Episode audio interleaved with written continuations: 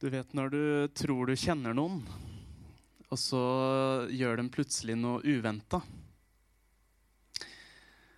Forskerne Janine Willis og Aleksander Todorov mener at førsteinntrykket det er viktig.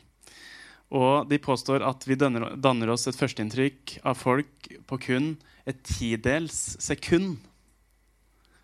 Det er ganske vilt. Og altså, førsteinntrykket det tar litt tid å kvitte seg med det òg og justere det. Um, jeg tror disiplenes førsteinntrykk av Jesus stadig ble utfordra.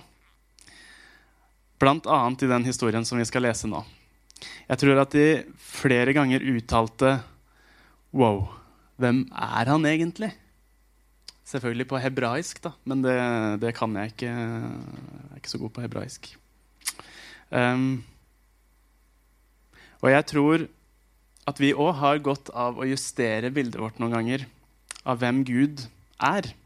Og bli minna om hvor stor han er, hvor god han er, hvor nådig han er. Eh, og at han faktisk ønsker å være involvert i livet våre. Vi skal lese da eh, prekenteksten for i dag, som er fra Matteus 17, eh, vers 1-9, eh, om disiplene som får se Jesu herlighet. Seks dager etter tok Jesus med seg Peter, Jakob og hans bror Johannes og førte dem opp på et høyt fjell, hvor de var for seg selv. Og han ble forvandlet for øynene deres. Hans ansikt skinte som solen, og klærne hans ble hvite som lyset. Og se, Moses og Elia viste seg for dem og talte med ham. Da tok Peter til orde og sa til Jesus, Herre, det er godt at vi er her. Om du vil, så skal jeg bygge tre hytter her. En til deg, en til Moses og en til Elia. Ennå mens han talte, se, da kom en lysende sky og skygget over dem. Og se, det lød en røst ut fra skyen som sa, Dette er min sønn, den elskede. I ham har jeg velbehag. Hør ham. Da disiplene hørte dette, falt de ned på sitt ansikt fylt av frykt. Og Jesus gikk bort og rørte ved dem og sa, Stå opp og frykt ikke. Men da de så opp, så de ingen uten Jesus alene. Og da de var på vei ned fra fjellet, bød Jesus dem og sa, Fortell ingen om dette synet før menneskesønnen er reist opp fra de døde. Herre, jeg ber om at du åpner den teksta her for oss nå, at du bruker de orda som jeg sier, og eh, gir de liv. Fordi mine ord kan ikke forandre ting, men det kan du, Gud. Så jeg ber om at du rører ved oss, eh, og at du viser oss ting nå, Gud. Amen. Den teksten her er jo full av gull, eh, sånn som veldig mange bibeltekster er. Og full av tolkninger òg, kanskje, så vi kunne snakka om vi kunne om den, eh, den teksten her fram til i morgen, tror jeg. Uten at vi skal gjøre det. Eh, men det er en litt rar historie om Jesus som tar med seg sine tre nærmeste, Peter, Jakob og Johannes, opp på et fjell for å vise dem noe. Og jeg vet ikke helt hva de forventer når de går oppover dit. Um, men jeg tipper at de blir temmelig overraska over det som møter dem. Plutselig så blir Jesus forvandla foran øynene på dem. Ansiktet hans skinte som solen, eller som lyset, står det. Og klærne hans Nei. Ansiktet hans skinte som solen, klærne ble hvite som lyset. Denne fortellinga her står også i Markus' evangelium. Eh, men han beskriver Jesu klær på en litt annen måte. Og jeg syns det er litt artig, litt fascinerende. Fordi han skriver at klærne til Jesus ble så skinnende hvite at ingen som bleker klær her på jorda, kan få dem så hvite. Mange mener at Markus' evangeliet er skrevet av apostelen Peter, eller en av hans medarbeidere. Og det vil si at det er skrevet av et øyenvitne eller en som sto nær et øyenvitne. Og det er jo sånne ting, sånne småting som det her da, som forteller meg at det her er skrevet av øyenvitner. Uh, og det bekrefter på en måte for meg at Bibelen er troverdig. Fordi at han huska liksom akkurat det der. at det, det var liksom, eh, han, han, tenkte sikkert på det når han så det. at Det, altså, det er jo ingen som klarer å, bleke klær så bra som det greiene der. um, så det vitner på en måte at, om at forfatteren var der. Uh, det er noe overnaturlig og noe annerledes plutselig med Jesus. Uh, noe guddommelig. Og jeg ser for meg at disiplene ser på hverandre og utbryter av altså, Wow, hvem er han egentlig?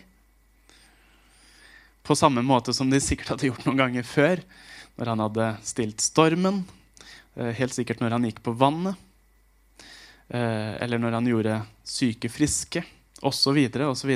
Hvem er han egentlig? Det disiplene får et glimt av, minner veldig om den eh, oppstandende Jesus. Den Jesus som vi leser om at skal komme tilbake når tiden er over. Eh, og det minner oss også om sånn vi mennesker blir beskrevet, vi, eller sånn vi skal se ut når vi en dag skal stå opp fra de døde. Videre i historien så kommer plutselig Elia eh, og Moses til syne og har en samtale med Jesus. Sikkert, sikkert helt absurd for, uh, for, disiplene. To av de største heltene fra Det gamle testamentet. Plutselig så står de der, og uh, disiplene hadde sikkert hørt om dem siden de var små. ikke sant? Det var kanskje deres aller største forbilder. Så står disiplene stilt og ser på mens de gisper. Wow, hvem er han egentlig? Og så plutselig kom en lysende sky og skygga over dem, og en røst lød fra skyen. Dette er min sønn, den elskede. I ham har jeg min glede. Hør ham. Um, og da står det at disiplene kasta seg ned med ansiktet mot jorden, grepet av stor frykt. Og mens de ligger der, så tenker de sikkert Wow, hvem er han egentlig? For noen uker siden så talte jeg over eh, teksten om, eller fortellingen om Jesu dåp. Og Der hørte vi Guds stemme egentlig si akkurat det samme eh, fra himmelen. Um, om at dette er min sønn, den elskede. Og da snakka vi om eh, at det var bl.a. for å bekrefte Jesu identitet og oppgave før han trådte inn sånn skikkelig i tjenesten. Denne gangen er det kanskje for å bekrefte Jesu identitet i forkant av hans virkelig store oppgave, da, hans død og oppstandelse. Med Moses og Elia til stede som representanter for loven og profetene, eh, og med Jesu, med Jesu nærmeste som vitner, så sier altså Gud at dette her, det er min elskede sønn. I ham har jeg min glede. Hør ham. Disiplene kaster seg ned på bakken i ærefrykt for Gud. Og når de etter hvert ser opp, så står det at da så de bare Jesus. Eller kun Jesus alene sto der. Og kan den siste setninga der være en påminner for oss når troa og livet blir for komplisert og vanskelig? Som det fokuserer på Jesus. Altså det er bare han. Søk hans nådige blikk.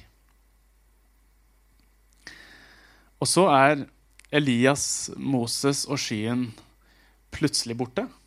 Og disiplene går ned fra fjellet sammen med Jesus eh, og sammen med den Jesus som de hadde levd sammen med, og som de trodde de kjente. Um, og så var det ikke tida da for at Jesus skulle overvinne døden akkurat da. Eller det var ikke tida for at han skulle fullende alt, som vi fortsatt venter på. Uh, men det de fikk, var et glimt av det som skulle komme. Eh, og et glimt av hvem Jesus virkelig var. Den guddommelige Jesus.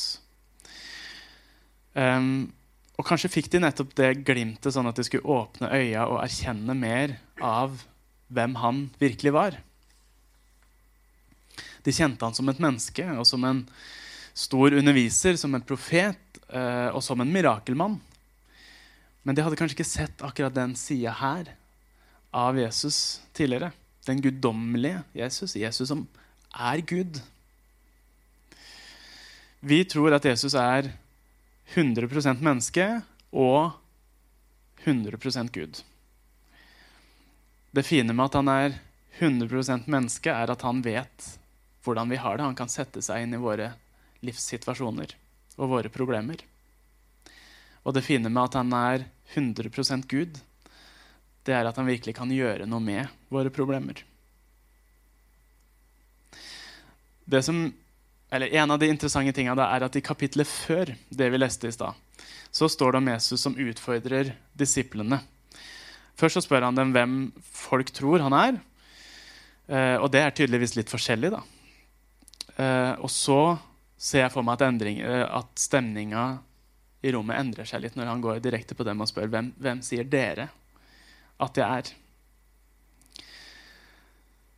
Og kanskje da etter en lang, pinlig stillhet eh, så er det selvfølgelig da Peter som åpner munnen og sier, 'Du er Messias, den levende Guds sønn'.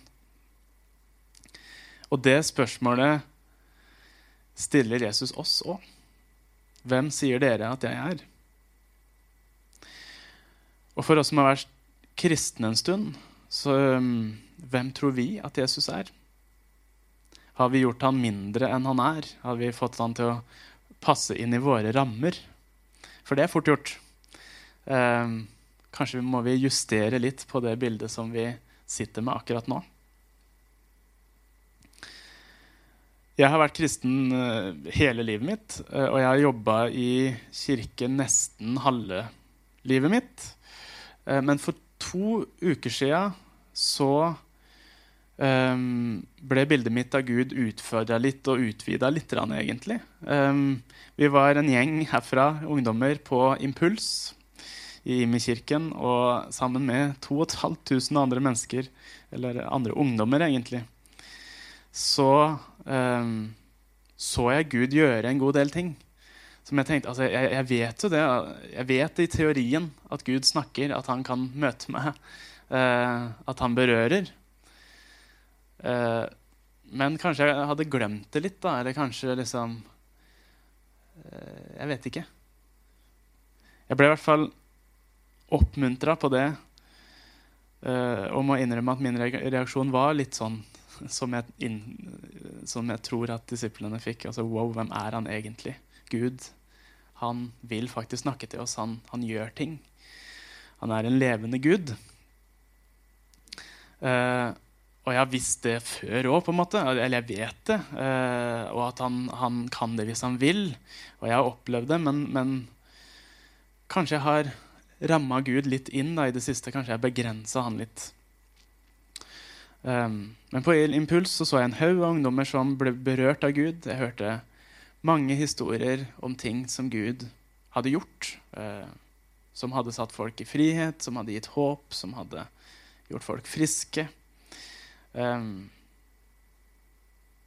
ja, han snakker faktisk, han vil ha kontakt med oss. Han vil involvere seg i livet våre. Hvis vi lar han, og hvis vi slipper han til. Jeg vet ikke åssen det er med deg. Har du begrensa Gud, sånn som meg? Må du justere bildet ditt litt? Innse på nytt kanskje hvor stor han er, hvor god han er, eller at han faktisk vil involvere seg? Trenger du å gi ham mer ubegrensa rom i livet ditt?